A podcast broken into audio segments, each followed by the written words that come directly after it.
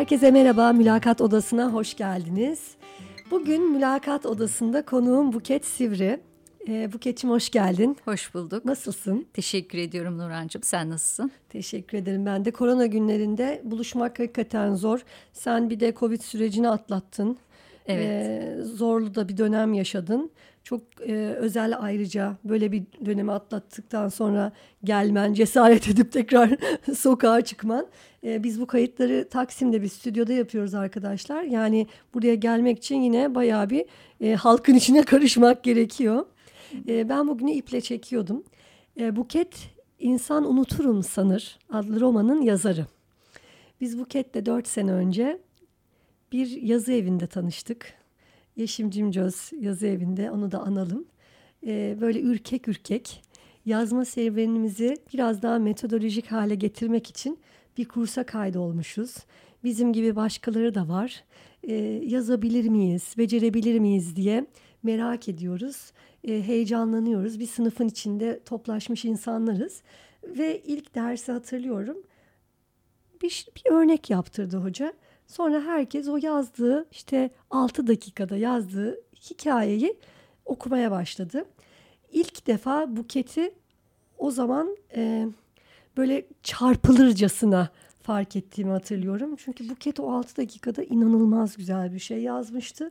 Ve böyle hep e, derslerde ilgiyle takip ediyordum. Onun kullandığı kelimeler, onun kendini ifade ediş şekli hakikaten hayatıma e, çok da dokundu. Yani benim için bugün e, Buket yazarlığının dışında aslında bir yazarın koçluğu gibi bir meslek e, var mı bilmiyorum ama ee, yoksa da Buket sen onu yaratmalısın. Çok da iyi bir yazar koçu olduğunu düşünüyorum. Yani çok teşekkür ederim. Grup içerisinde hepimizi destekleyişin, yönlendirişin çok gerçekçi, çok objektif geri bildirim vermen, e, boşa alkış yapmaman, e, olumsuzlukları olduğu gibi bize ifade etmen, tebriği hak ettiğimiz noktalarda arkamızda durman. Yani sınıf arkadaşımız olmanın dışında böyle senin çok kapsayıcı bir e, tarafım vardı ve ben o gün başlayan hikayede her zaman seni çok örnek aldım kendime. Onun için bugün hakikaten benim hani ben meslektaşlarımı ağırlıyorum. Şimdi yazar olarak ilk meslektaşımsın aslında. E, biraz daha ayrı bir yerim var. Çok teşekkür e, ederim. Senin de kariyer yolculuğunu yazarlıktan önce e, aslında iş hayatında var. Biraz konuşalım mı? E, nasıl başladı? Nerelerde okudun? kariyer yolculuğu nasıl devam etti? Bu yazarlığa gelinceye kadar nerelerden geçtin? Tabii ki memnuniyetle. Ee, şimdi üniversiteye e, yazarken ilk başta e, iktisat fakültesini yazdım. Aslında iktisattan hoşlanmıyorum. Hatta matematikten dahi hoşlanmıyordum. Neden böyle bir hata yaptım? Çünkü e, babam e, muhasebeciydi. E, amcam bankacıydı. Amcamın kızları bankacıydı. Ablam e, ticaret lisesini bitirmişti. E, muhasebecilik yapıyordu. Kendime başka bir kariyer düşünemedim o anda. İktisat fakültesini yazmanın e, benim için e, tek yol olduğunu düşündüm. Çünkü çevreniz sizi şekillendiriyor. Çok Ve bunun doğru. yanlış olduğunu e, ilk işe başladığım zaman fark ettim. Evet fark ettim ama devam ettim. Çünkü dediğim gibi çevreniz sizi şekillendiriyor. Sanki başka bir meslek seçmeniz imkansızmış gibi siz devam ediyorsunuz. E, muhasebecilik yaptım. Yönetici asistanlığı yaptım. E, yolculuğuma devam ederken bir yandan çalışıyorum, bir yandan üniversitede okuyorum. Üniversiteyi bıraktım. Ee, sonuçta bitirdiğimde de dedim yapacağım iş budur. Zaten yapabiliyorum. Madem yapabiliyorum o zaman hani daha fazla okumayayım. Ben e, ikinci sınıfta bıraktım. E, o zaman tabii hiç şeyi düşünmüyorsun değil mi Buket? Yani muhtemelen e, hiçbirimizin aklına gelmedi. Yazmak işini bir meslek olarak düşünmek. Yo o zaman düşünmüyorum ve çok ilginç bir şey e, e, anlatmak isterim. Biraz tutuğum ama kusuruma lütfen bakmayın. Güzel. Evet. İstersen yazarak ver. Çok daha kolay benim için. Ee, şimdi yazar e, yazarlık atölyesinde tanıştık ama benim yazma hikayem aslında ortaokuldan itibaren evet. başlıyor. Ee, Ortaokulda e, Kareas diye bir e, Odessa Sorensen'in e, bir çocuk kitabı var. E, o beni o kadar etkilemiş ki kendimce hemen bir üç, üç e, kızdan oluşan bir kendimce bir çete oluşturmuşum. Öyle e, yazılar yazmaya başladım. E, yazma yolculuğu ortaokulda başladı. Ama e, muhasebecilik, yönetici asistanlıkları ön plana geçti o geri plana atıldı. Ya onu seçebilme ihtimali bile yok herhalde Yok tabii. Insanda. E niye Türk dili ve tabii, edebiyatı tabii, seçmiyorum? Tabii. Çünkü işte aklımda bir yazar olma fikri yok. Ee, dediğim gibi yani çevremi şekillendirmiş. Ben öyle devam ediyorum. Ee, çalışma hayatım e, yıla yakın sürdü. Ee, daha sonra e, ikiz çocuklarım oldu. E, ikiz çocuklar olunca e, tabii ki e, biraz zorlu bir sürece girdik. İkiz anneleri bilir onu. Evet. E, şimdi de gençler için çok kolay. İkiz hatta üçüz bile sahip olabilirsiniz. Bakıcılar var vesaire var her şey. evet, her imkan miydi? var ama bizde o zaman e, o kadar büyük e, imkanlar yok. Yani bakıcılar yok o kadar. Öyle olduğu için ben dedim işime ara veriyorum. Önemli olan Zaten çocuklarımı da. evet çocuklarımı büyütmem gerekiyor. Ee, ve bir e, kariyerime nokta koydum. Ee, bir müddet sonra e, yazma çalışmalarım başladı. İçim yazmak istiyor. Fakat çocuklarımın okulları var, e, koşturmacalarım var. E, öteleyebilirim diye düşünüyorum. Hep öteleyebilirim. Evet öteledikçe yazma isteğim daha fazlalaşıyor. Ee, öteledim, öteledim. Ne zamanki çocuklarım üniversiteye başladılar, e, hafta sonları eve gelmeye aynı zamanda e, başladılar. O anda dedim ki bir dakika ben yazmak mı istiyorum? Evet o zaman öncelikle doğru bir adrese gideyim. Bir yazar evinden yardım alayım. Neyi doğru, neyi yanlış yapıyorum öncelikle göreyim. Ee, ondan sonra e, doğru adımlarla yazmaya başlayayım. Peki e, şimdi Yasin de Yasemin de Buket'in ikizleri çok iyi okullarda okuyan, çok başarılı öğrencilik hayatı olan çocuklar. Teşekkür Çok iyi yetiştirmişsin onları. Aslında işin bu kısmı da böyle bazen göz ardı ediliyor ama ben yeni yeni çocukları büyüyen bir anne olarak yani okul hayatının önemini ya da bir çocuğu okul hayatında desteklemenin önemini çok daha yeni fark eden bir anne olarak bu işin çok ciddi bir mesai aldığını görüyorum. Sen artık Kesinlikle. o süreçlere geçtin ama o hani 10 senemi mesela bir fiil onları e, o hale getirmek için emek harcadığını anlıyorum şu anda. Yönetici gibi yönetiyorsunuz. Bildiğiniz yönetici gibi. Evet. evet. Yani orada e, nasıl duygular yaşıyordun? Bir tarafta beklettiğin bir yazma süreci var ama bir tarafta da yarattığın bir gelecek var. Evet. Yeni bir şey yazıyorsun aslında o sırada da. Kesinlikle yazıyorsunuz. Ee, çocuklarınızı yetiştirmek e, çok önemli bir e, görev. E, evet çocuğunuzu çok seviyorsunuz ama aslında iyi bir anne baba olmanın birinci kuralı e, yönetebilmekte yönetebilmekten geçiyor. E, süreci yönetiyorsunuz. Çocuklarınızın okullarını, derslerini, e, arkadaş seçimlerini yönetiyorsunuz. Evet onlara bıraktığınız pek çok şey var ama e, siz bu süreçte e, onları yönetmek zorundasınız. Not alıyor muydun o sırada yaşadığın şeyleri? Yani bir sürü hikaye yaşıyorsun onları büyütürken. E, bunu yazmalıyım, bunu bir yere not almalıyım. Yani ötelediğinde yazı serüvenini o ana kadar yaşadıkların unutulup gidiyor mu yoksa aslında yazmaya başladığın zamana daha büyük katkı sağlayan deneyimler olarak mı karşına çıktı? E, katkı sağlayan deneyimler olarak ortaya çıktı. E, çünkü o kadar telaşlısınız ki pek çok şeye yetişmeye çalışıyorsunuz. Onu yazacak vaktiniz yok ama kafanıza onu yazıyorsunuz.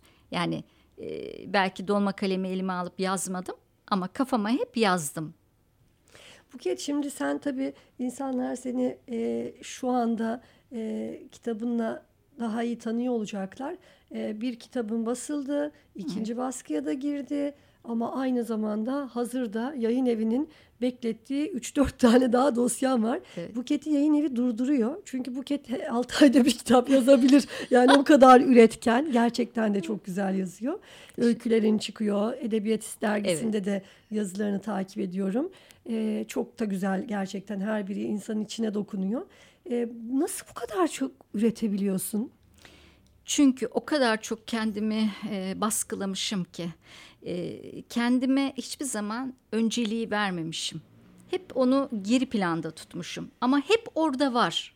Oraya yazmışım. Unutmamışsın da. Unutmadım. Beynimin hep o bir kenarlarına sürekli bunları yazdım. E, bir de e, en önemli şey e, birincisi ben çok okudum.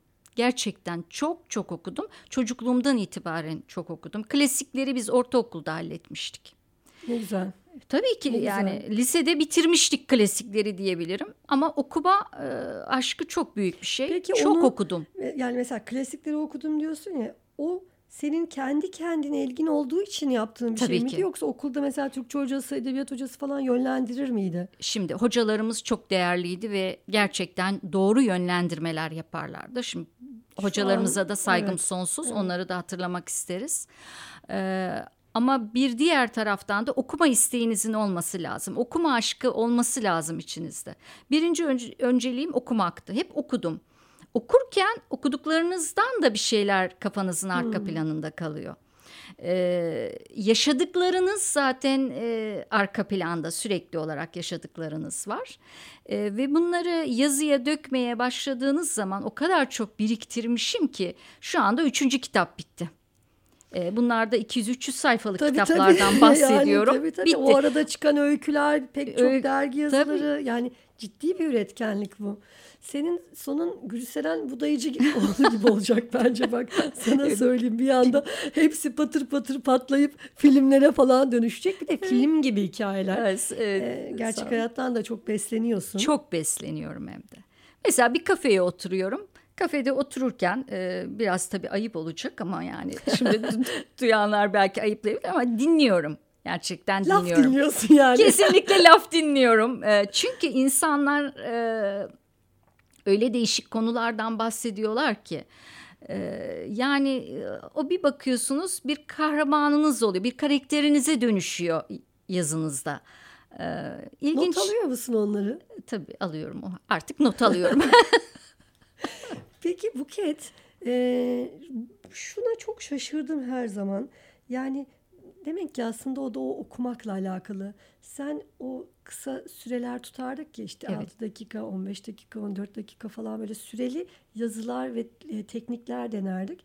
Oralarda kullandığın dil hemen editörün e, şeyinden geçmiş gibi yani e, çıkardı. Böyle çok hazır çıkardı metinler. Bu beni çok şaşırtırdı. Ben biliyorsun yani korkunç imla ve bana şey demişti Can. E, bu kadar yazım yanlışı ve bu kadar teknik hata yapıp bu kadar güzel bu duyguyu nasıl anlatabiliyorsun inanmıyorum sana. Yani olamaz ikisi bir arada demişti. Hala da öğrenemiyorum. Ben şimdi çocukları ders çalıştırırken öğreniyorum Türkçeyi bence. Sen de böyle Bence tıkır harika tıkır, kullanıyorsun. Yani öyle bir yazardın ki hani cümle düzeltilmeye ihtiyaç duymazdı. Bu okumanın e, dışında, bir avantajı. Evet. Peki başka tekniklerin var mı bunu sağlayan ya da eskiden de dil bilgisine vesaire önem verir miydin? Evet. E, Çünkü konuşurken de sen öyle konuşuyorsun. Ben Şu heyecanlanıyorum seninle evet, konuşurken. Rica ederim. Yok. Ee, yani çok okumak çok etkili. Güzel konuşmakta da etkili. Ee, yazarken de size bir anahtar oluyor. Ee, yani yazmadan önce mutlaka diyorum insanların çok okuması gerekiyor.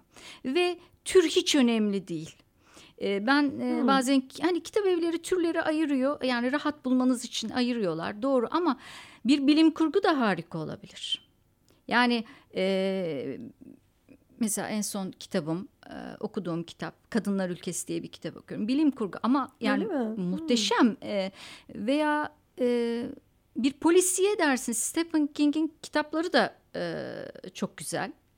Aslında bak şimdi düşünüyorum yani. da e, ben o konuda biraz muhafazakar davranmış olabilirim ki normalde müzikte türleri ayırmama rağmen bilim kurgu vesaire sanki hep biri sevmezmişim gibi geliyor. Dizilerde falan seviyorum ama işin edebiyat kısmında sanki böyle hayal edemezmişim gibi geliyor. Aa, bence çok güzel. Yani şunu demek istiyorum. Mesela ben bilim kurgu yazmıyorum ama bilim kurgu da okuyorum. E, polisiye de okuyorum. Yani polisiyeden işte e, edebi anlamda bir şey çıkar mı gibi bir takım sözler söyleniyor. E, bence çıkar. E, mesela John Grisham'ın e, stilini düşünelim. E, Boyalı Ev diye bir romanı var. E, bence muhteşem bir roman. Sen senin şeylerin var mı Buket? Ee, özellikle takip ettiğin yazarlar, özellikle işte dilini çok be- beğeniyorum dedim. Ben de böyle bir şey yok. Ben zaten nasıl yazdığımı düşünüyorum. Tesadüfen e, vahiy gelir gibi yazdığımı düşünüyorum. Çünkü ben altyapı anlamında çok şey sorunu yaşıyorum. Ay bunu sana sorayım hatta sende de oluyor mu? Bence sende olmuyor da. Ben unutuyorum ya. Okuduğum yazarın ismini de unutuyorum. Ah. Hikayeyi de unutuyorum. Çok fena. Ee, ben yazarın isimlerini evet unutabiliyorum kesinlikle.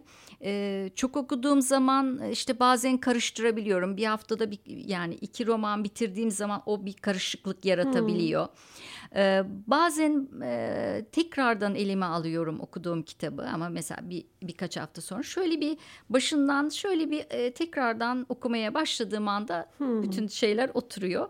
E, çok okunduğu zaman öyle bir şey oluyor. Ama dediğim gibi benim benim için tür hiç önemli değil. Ee, yani aşk romanı olsun, e, klasik kurgu roman olsun, tarihi roman olsun, e, bilim kurgu olsun. Yani e, kitap e, okudukça edebiyat e, kendi edebiyatınız gelişiyor. Sesli kitaplar konusunda ne düşünüyorsun? Sesli kitap dinleyebiliyor konu... musun? E, dinleyebiliyorum ama ben e, kitabı elime ya. almayı seven bir kadınım. E, üzgünüm. kitabı elime alacağım. E, onu elimde tuttuğum zaman o kitapla bütünleştiğimi hissediyorum. Kitapları bile podcast'te çeviriyorlar artık biliyor musun? Hatta oyunları, senaryoları falan çok daha böyle dinlemeye yönelik hale gelmeye başladı. Yani zaman o kadar hızlı akıyor ki e, insanlar artık bir şeyi e, nasıl artık sinema filmi izleyemez hale geldik. Diziler e, hatta dizilerin süresi de 40 dakikalardan 15 dakikalara falan düştü. Kitapta da e, uzun uzun eline at, alıp okumak imkanı bulamadığı için insanlar böyle işte araba kullanırken dinlemek, yürüyüş yaparken dinlemek noktasına geldi. Ve uzun kitap e, okunmuyor. Hmm, evet bu bir gerçek. Ee, insanların yürüyüş yaparken, spor yaparken evet e, veya e, arabada dinleme isteği çok güzel bir şey. Sonuçta e, kitap seçiyor. Yine de kitap Tabii. dinlemeyi seçmiş Tabii. oluyor. Ee, ama, Ama bana diyorsun. Yok bana uymuyor. bana, bana böyle şeylerle gelmeyin. evet. İzin verin kitaplarımız basılsın alınsın lütfen. Şimdi onu soracağım. Ee, pek çok yazar arkadaşımız, dostumuz var. Üçüncü, beşinci kitabını yazan arkadaşlarımız da var. E, ortak tanış olduklarımız. Ee, bu yazarlık macerası senin benim gibi e, işi sonradan e, girenler için enteresan bir serüven oldu. Ben senin deneyimlerini merak ediyorum ve hatta biraz onları böyle bu yolu yürümeyi seçenlere de ışık tutması açısından anlat istiyorum. Ee, bir yayın evi seçimi, bir dosyanın teslimi, yazdığını artık bu dosya tamam diye bitirmeye karar vermek falan. Bunları nasıl yaşadın? Aslında Nurancığım yazmak işin kolay kısmıymış diyeceğim kadar zor yaşadım. Ee, önce e, dediğim gibi bir yazı atölyesine gidiyorsunuz. O sizi evet bir teşvik ediyor yazmaya başlıyorsunuz. Ee, çok güzel. Yazdıkça e, daha çok mutlu oluyorsunuz. Yazabildiğinizi görüyorsunuz. Sonucu aldığınızda çok mutlu oluyorsunuz. Ondan sonra bir anda durma noktasına geliyorsunuz. Çünkü bir kitap çıkardınız ama bu kitabı e, nasıl ulaştıracağınızı okuruyla nasıl buluşturacağınızı bilmiyorsunuz. Bundan sonraki aşama internette e, bütün yayın evlerin adreslerini e, bulmakla başlıyor. Önce onların adresini buluyorsunuz. İletişim bilgilerini edindikten sonra kitabınızı göndermeye başlıyorsunuz. Sonra da beklemeye başlıyorsunuz. Bu beklemeler 6 ay, 1 sene sürebiliyor. Sürebiliyor. Ee, Dönüş her halükarda olumsuz da olsa oluyor mu? Ee, üç tane yerden e, olumsuz dönüş aldım. Yedi ay sonraydı biri, sekiz ay sonraydı biri, e, diğeri de dört ay mıydı öyle Yani gibi. üç dört ay sonra döneriz falan yazsa da internet sitelerinde Yok, öyle bir değil. şey yok. Öyle değil, öyle sürmüyor. Ee, bir de tabii e, kitabınızı bitirdiğinizi düşündünüz. Siz okudunuz. Değer verdiğiniz bir takım insanlara da okuttunuz. Ama işte orada da bitmiyor. Bir editör aşaması geliyor. Sen bu anlamda olumsuz bir deneyim de yaşamışsın. Olumsuz Aslında bir deneyim. paylaşabilir misin onu? Çünkü bu bir meslek e, Buket ve e, bu mesleğin içinde de işte nelerle karşılaşabileceğimizi e, bilelim diye bu hikayeyi anlattırıyorum sana. E, iyi bir editörle vasat bir editörü nasıl ayırırız mesela? İsim paylaşmamıza gerek yok. E, isim e, paylaşmak Tabii. istemem, kimseyi yaralamak Tabii, tabii. e, istemem. E, fakat e, benim kitabı bitirdikten sonra editör arayışım başladı. E, oraya soruyorsunuz, buraya bir ad, bir telefon buldum, işte aradım. E, tabii ilgilendiler, e, işte e, yapabilirim diyerek yola çıktılar. Çok ilginç bir şey yaşadım. Mesela kitabı okudu, evet e, editör sizi yönlendirmeli. Editör e, tabii ki imla hatalarınızı da düzeltmeli. Doğru. Ee, ama sizi kurgu açısından da yönlendirmeli. Tabii E, hatta yani ed- Tabii imlayı ki. redaktör yapsın Tabii ki, yani. tabii. Kurgu en kıymetli kısmı. Mesela kurguda aksayan bir yönünüz varsa onu da düzelttirmeli. Ee, bunlara e, pek ihtiyacımız olmadı. Fakat şöyle bir şey yaptı editör. Sürekli bu çok uzun bir kitap kısaltalım demeye başladı. Uzun bir kitap kısaltalım. Ee, mesela öyle bir yeri kesmiş ki e, o karakterlerin 20. sayfasındaki bir olay var. 20. sayfada bir olay var. Ee, 150. sayfada da o olayın hatırlatılarak bir tekrarı var. Ee, ve olay değişik Bağlanıyor. bir şekilde bağlanıyor. Ee, ısrarla 20. sayfayı çıkarttırmış. Ee, ama insanlar 150. sayfada bu nereden geldi Tabii. diyor. O onun fark etmesi gereken bir şey. Hayır kendisi çıkarıyor. Ben çıkarmıyorum kendisi çıkarıyor. Sonra tabii tespit ettim. Ee, Aa, bu olmaz dedim bu illa konulacak dedim. Ve daha pek çok şey sürekli olarak kitabı kısaltalım. Editör kitabı kısaltmakla yükümlü değildir. Editör bizim yaptığımız kurgu hatalarımızı, bizim yaptığımız imla hatalarımızı e, düzeltmekle yükümlüdür. E, bizim yerimize yazamaz. Tabii. Ha, bazı insanlar var adlarını koyuyorlar e, editörlerine yazdırıyorlar tabii o da ayrı bir şey ama biz e, kendimiz yazdıysak e, bunu beklemiyoruz Ki editörden. zaten hoşlanmazsın böyle bir şeyden. Evet, yani- Tercih etmezsin yani. Tabii böyle şey. kendim e, oturmuşum, kurgulamışım, e, karakterlerimi oluşturmuşum. E, bunu 300 sayfa boyunca bir hikayeyi anlatmışım. Bir meselem var. Bu meseleyi başından sonuna kadar götürmüşüm, çözmüşüm. E, ve benim yardım almak istediğim şey editörden dediğim gibi kurguda bir aksayan bir yön var mı? E, dil bilgisi açısından aksayan bir şey var mı? E, sürükleyiciliği konusunda aksayan bir şey var mı? E, Çünkü bir roman gerçekten sürükleyici olmalıdır. Tabii. Oflayıp puflayıp bırakılmamalıdır bir kitap. Yani en iyi Tabii. kitap bile olsanız, en edebi kitabı bile yazsanız, kitap eğer bir masada bekliyorsa okuyucusunu bence iyi bir kitap Evet, değildir. evet. Haddim olmayarak söylüyorum. Yani sadece bunca yılın iyi bir okuyucusu olarak söylüyorum bunu. Yazar olarak söylemiyorum. Yani e, o yüzden e, ilk kitabımla ilgili, e, editörle ilgili bayağı bir sıkıntı yaşadım. Ya ben editörlük sürecini kendi e, deneyimimde tabii çok şanslıydım. Yani gerçekten doğru bir isimle başlamışım. Belki onun şanssızlığıydı. E, Hayır, Can Gazalcı'nın şöyle bir şanssızlığı vardı. Ne kadar iyi bir editör olduğunu e, benim test etmem gerekti defalarca kez. Yani baştan o kadar iyisine denk gelmiş. Öyledir ya hani gidersin mesela bir mağazaya aradığın şeyi bulursun. Sonra dersin ki dur biraz diğer mağazalara da bakacağım ben. Çünkü zannedersen ki hep karşına o ilk gördüğün kadar iyi şeyler çıkacak. Bütün çarşıyı dolaşırsın döner ilk mağazaya e, onu alırsın.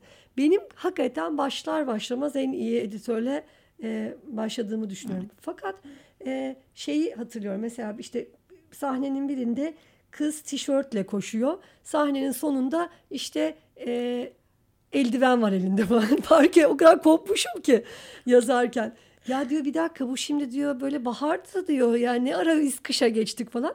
Oralar benim için müthişti. Yani onları öğrenirken editörün editörlük sürecine şahitlik ederken müthiş bir öğrenme yaşadım. E, kendim hala yapamam. Ben zaten böyle e, yaşarken, yazarken içinde olan e, kopan biriyim. Sonra benim biri tarafından bir böyle çerçevelenmem gerekiyor. O hmm. noktada kayboluyorum çünkü. Ve ne kadar güzel. Aa bak mevsim farkı varmış. Aa işte burada kadın demişim orada adama çevirmişim falan filan. Böyle bayağı bir e, oralarda güzel e, deneyimler oldu. Belki senin e, kursta da şahit olduğum gibi hani sen baştan sona o kadar böyle düzenli yazıyordun ki akışın e, prosedürel deriz biz insan kaynaklarında. Spontan yazanlar, prosedürel yazanlar. Belki de o yüzden editör e, yapacak çok bir şey bulamadı da aradan bari parça aradan cımbızla çekmeyi hani, denedi. Paramı hak edeyim mi dedi. Evet, ama editör e, yazarı geliştiren kişidir. Evet. Bizim yanlışlarımızı gören kişidir. Ee, bizi e, dediğim gibi geliştirmeli editör bize set koymamalı. Peki kitabın çıktı. E, çok da severek okudum. Hakikaten çok sürükleyici ve ben bir de film izler gibi Hı. okudum. E, böyle bir şey gibi eski bir Yeşim Çam e, tadı da vardı. Hı. Meseleler hem çok günceldi hem de geçtiği tarih yani geçtiği tarih 70'lerde. Evet. E, ama e, dertler günümüzün dertleriydi hala. Evet. E, ve böyle bir dizi, bir film izler gibi izledim. Sonra bunun e, tanıtım süreci başlıyor. Şimdi ben sana biraz o yolculuğu sormak istiyorum. Gerçekten belki de diyorsun ya hani yazmak en keyifli kısmıymış. Evet, evet. Dağıtımcıya gitti, işte bir şekilde kanallara ulaştı, okurla buluştu. Sonra kitabın arkasında durmak, onu tanıtmak, imza günleri vesaire vesaire. Buralar e, sana ne hissettiriyor? Seviyor musun? Zorlanıyor musun? Ee, Nuran bundan e, çok hoşlanmıyorum diyeceğim. çok ayıp olacak ama Yo. şöyle ben yazma kısmını çok seviyorum. E, okurla buluşma kısmı da muhteşem. E, fakat e, işte reklam kısmı e, yani zorlanıyorum. Nasıl reklamını yapabilirim? Ee, Utanıyor musun peki? Yani şey, utanmak da değil de yani nasıl yapabilirim? Yani nasıl e, okura e, daha fazla okura ulaşabilirim? E, bunları çok e, rahat yapabildiğimi söyleyemiyorum. İşte Instagram hesabım var, Facebook hesabım var. E, oralardan paylaşımlar yapıyoruz. E, ama ben istiyorum ki bunu benim adıma birileri yapsın ve ben evet. sadece yazayım. Zaten aslında ne, yani zamanında yazarlığı bir meslek olarak seçebilecekken bunu hobi düzeyinde bırakma mantığı senden kaynaklı değil. Sistem böyle. Yani işte hep okuduğumuz, şa, hayran olduğumuz e, kişilere baktığında, hayatlarına e, baktığımızda işte dergide yazmış, sürünmüş, üstüne başına bir şey alamamış, sürünmüş. Yani yazıyla yaşamak zorunda kalan insanlar sürünmüştür. Orhan Veli'nin Yalnız Seni Arıyorum diye bir e, kitabı var Nait Hanım'la yazışmaları. Hı hı. Ya o kadar şey bir sahne ki e, bir beyaz ceket alacak. Hı. Ankara'dan İstanbul'a gelecek. Yani sevgilisinin yanına gelecek Nait Hanım'la öyle bir şeyleri var. Yani bir yasak aşkları var. O beyaz ceketi alana kadar bir mevsim geçiyor. Da gelemiyor bir türlü Orhan Veli. Ya da tren e, parasını bulamıyor da gelemiyor. Yani mektuplarda hep bir geçim sıkıntısı var. Ee, evet. Bir yazarın ceketini alamaması, bir yazarın tren e, parasını bulamaması yazarlığın zaten meslek olarak görülmediğini gösteren bir şey. Yani bu insanlara çeviriler yaptırılmış vesaire bunlarla geçim sağlayamamış bu insanlar.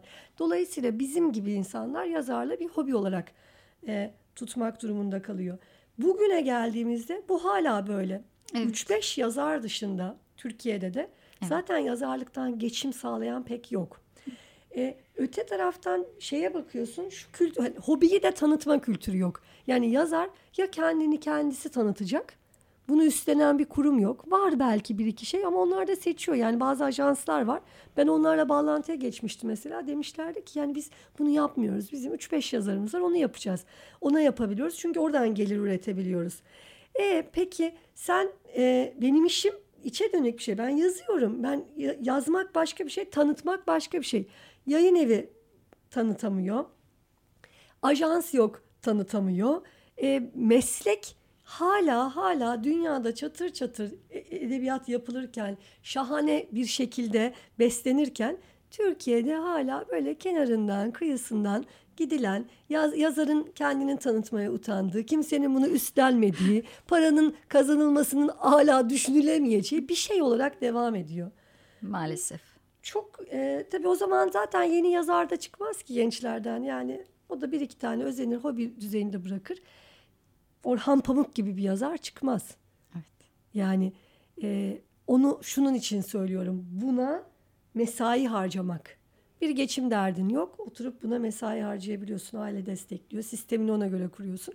O zaman hakikaten iyi şeyler de çıkartabiliyorsun. Çünkü yazmak zaten sence sadece ilham işi mi? Değil. Araştırma işi. Tabii ki. Odaklanma işi. Ve çok değerli kalemler senin gibi. Ee, bunu tanıtmak kısmına iştah duymadığı için belki hani herkese ulaşamayabiliyor. Ben bazen kendim için deniyorum. E, Buket hani iş hayatında pazarlamaya, satışa hakim olduğum için bir hafta deniyorum, bir hafta sonra çok sıkılıyorum. Hiç hoşuma gitmiyor. Ya ben bunun istemiyorum ki bunu tanıtmak. Hani işimi satmak yani insan kaynakları ilgili gideyim bir şirkete işimi anlatayım ama yazdığım bir şeyi anlatmak çok itici geliyor.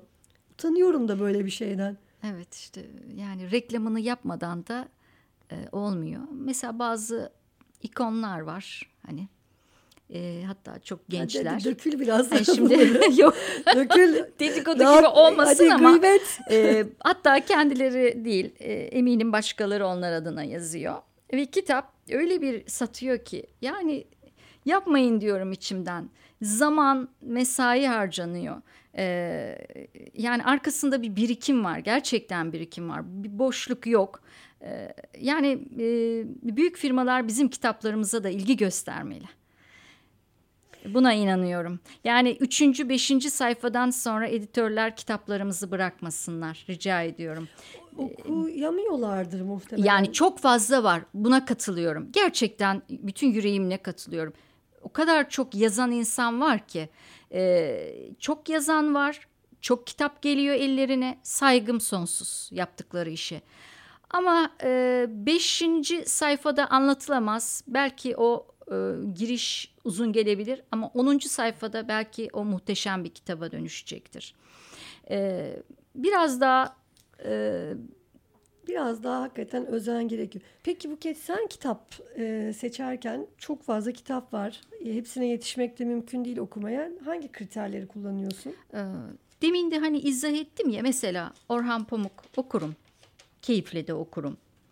E, mesela demin verdiğim örnekte e, Grisham'dan bahsettim dedim ya. Hı hı. Yani normalde e, evet e, çok satanlarda okuyabilirsiniz ama edebiyat anlamında edebiyat anlamında hani daha vasat da demeyeyim o da çok yanlış bir terim olur. Yani e, Orhan Pamuk'un kitabı kadar belki edebi anlamda değerli değildir diyeyim. Anladım. Ama dediğim gibi Bu öyle bir hikaye evet öyle tabii. bir hikaye var ki orada o hikayeye e, kendinizi kaptırıyorsunuz okurken.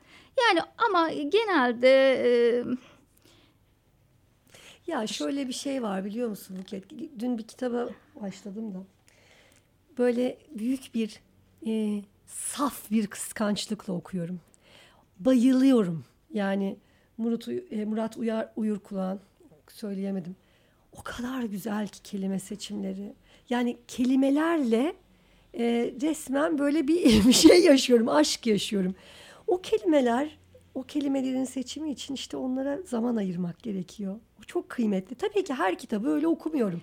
Bazısını okuyup geçiyorum. O an güzel bir zaman, güzel tatlı bir şey e, izlemiş gibi oluyorum. Bazısında da böyle altını çize çize döne döne okuyorum e, ve çok e, çok büyük bir keyif. Kesinlikle. Ama tabii yani herkes de e, işte ben Murat Uyur Kulak ismi örnek olsun. Hadi Orhan Pamuk'u herkes biliyor. Evet. O kadar geç keşfettim ki. Yani buralarda da eksikler var. Tabii ki. E, kurgu içinde kurgu kitaplar var. Puslu Kıtalar Atlası. Ah. Muhteşem bir kitap. muhteşem. Hani tek kelimeyle muhteşem. Ee, ama çok az biliniyor. Şöyle çok az biliniyor diyeyim. Yani e, okumayı gerçekten seviyorsanız, değişik şeyler okumak istiyorsanız o zaman e, değişik kitaplar bulabiliyorsunuz.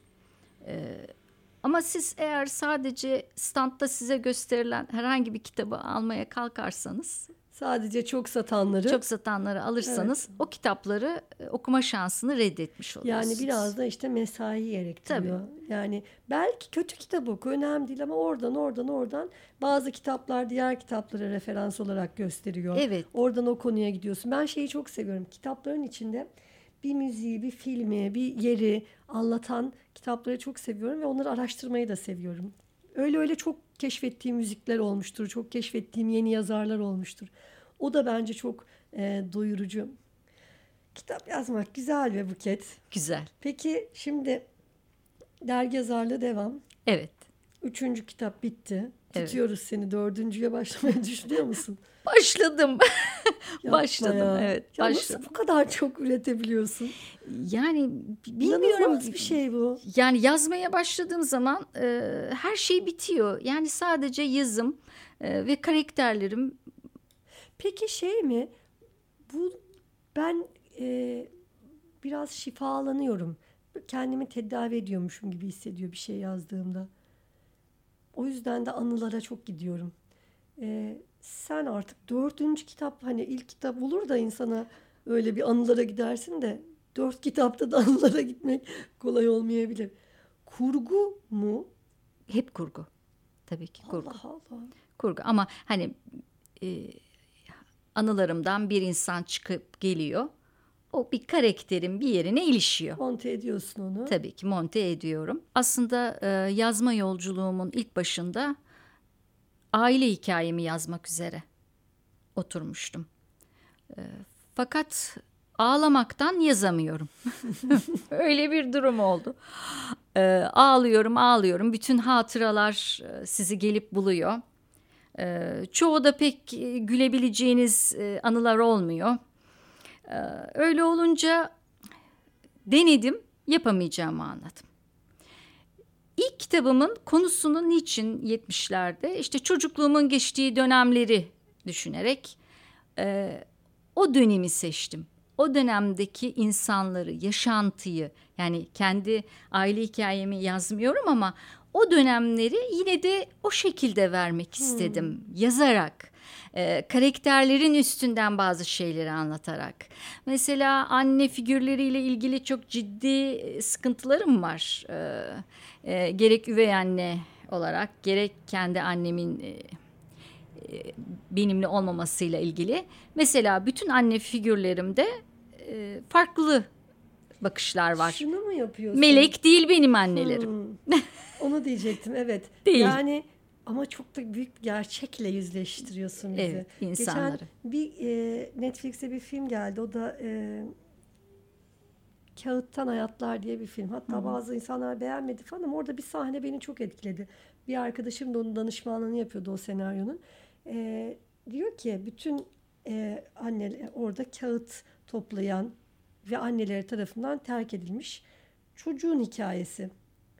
Diğer çocukları da görüyorsun. E, şimdi anne figürüne yakıştırmıyoruz ya mesela çocuğuna evet, bırakmayı. Evet. E, orada bir sahnede diyor ki adam bütün bunların diyor anneleri diyor hani hepsinin başına kötü bir şey geldi. Yani neticede bırak bıraktı. E, hiçbir mi çocuğunu e, bir şeyi anlatıyor. Çok can sıkıcı bir gerçeği anlatıyor. Ben o e, replikte tam şimdi repliği hatırlayamadım ama biraz böyle zorlandım, e, sıkıştım. Fakat gerçek olmasından da, dolayı da filmi beğendim.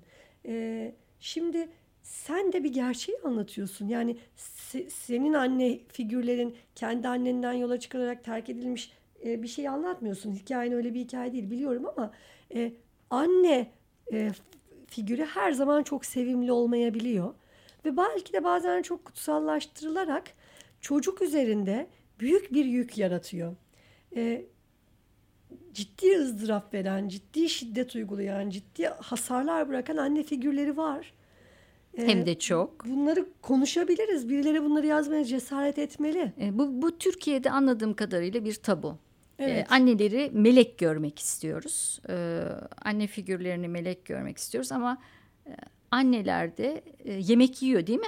Tuvalete gidiyorlar değil mi? Çalışıyorlar veya ev kadını veya öyle veya böyle yaşıyorlar. Yaşarken iyi ve kötülük içimizde değil mi? Anne figürlerinin de içinde. Güzel olmak istiyor. E, Hatta seksi olmak istiyorlar.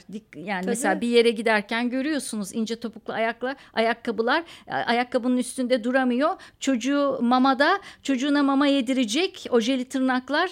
Yani o anne anne olmak istemiş, olmuş. Anne de ama seksi de olmak istiyor Tabii. anne. Kadın Doğru muyum? Kadın kimliğini istemiyor. bırakmak istemiyor.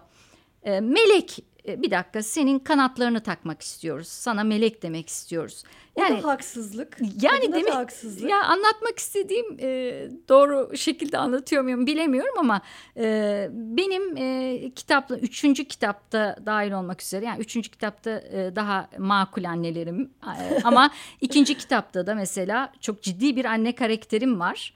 E, yine evladını çok seven ama evladını e, sevdiği için onu koruma noktasını geçirmiş yani o nerede duracağını bilmeyen bir anne Güzel. figürüm var. Yani rahim e, şeyi pardon göbek bağını kesememiş Kes, bir anneden. kesememiş bir anne e, var figürü var. E, mesela orada da yine yani demek ki benim bir meselem var. Annelerin hiçbiri melek değil meselesi var galiba. Ve Evet. tabu bu tabu ve ben e, bütün kitaplarımda bu tabuyu kırmaya çalışıyorum. Çok güzel. Benim de e, ilk kitabında da hoşuma giden şeylerden biri bu. Hikayelerinde çok, öykülerinde buna çok yer veriyorsun.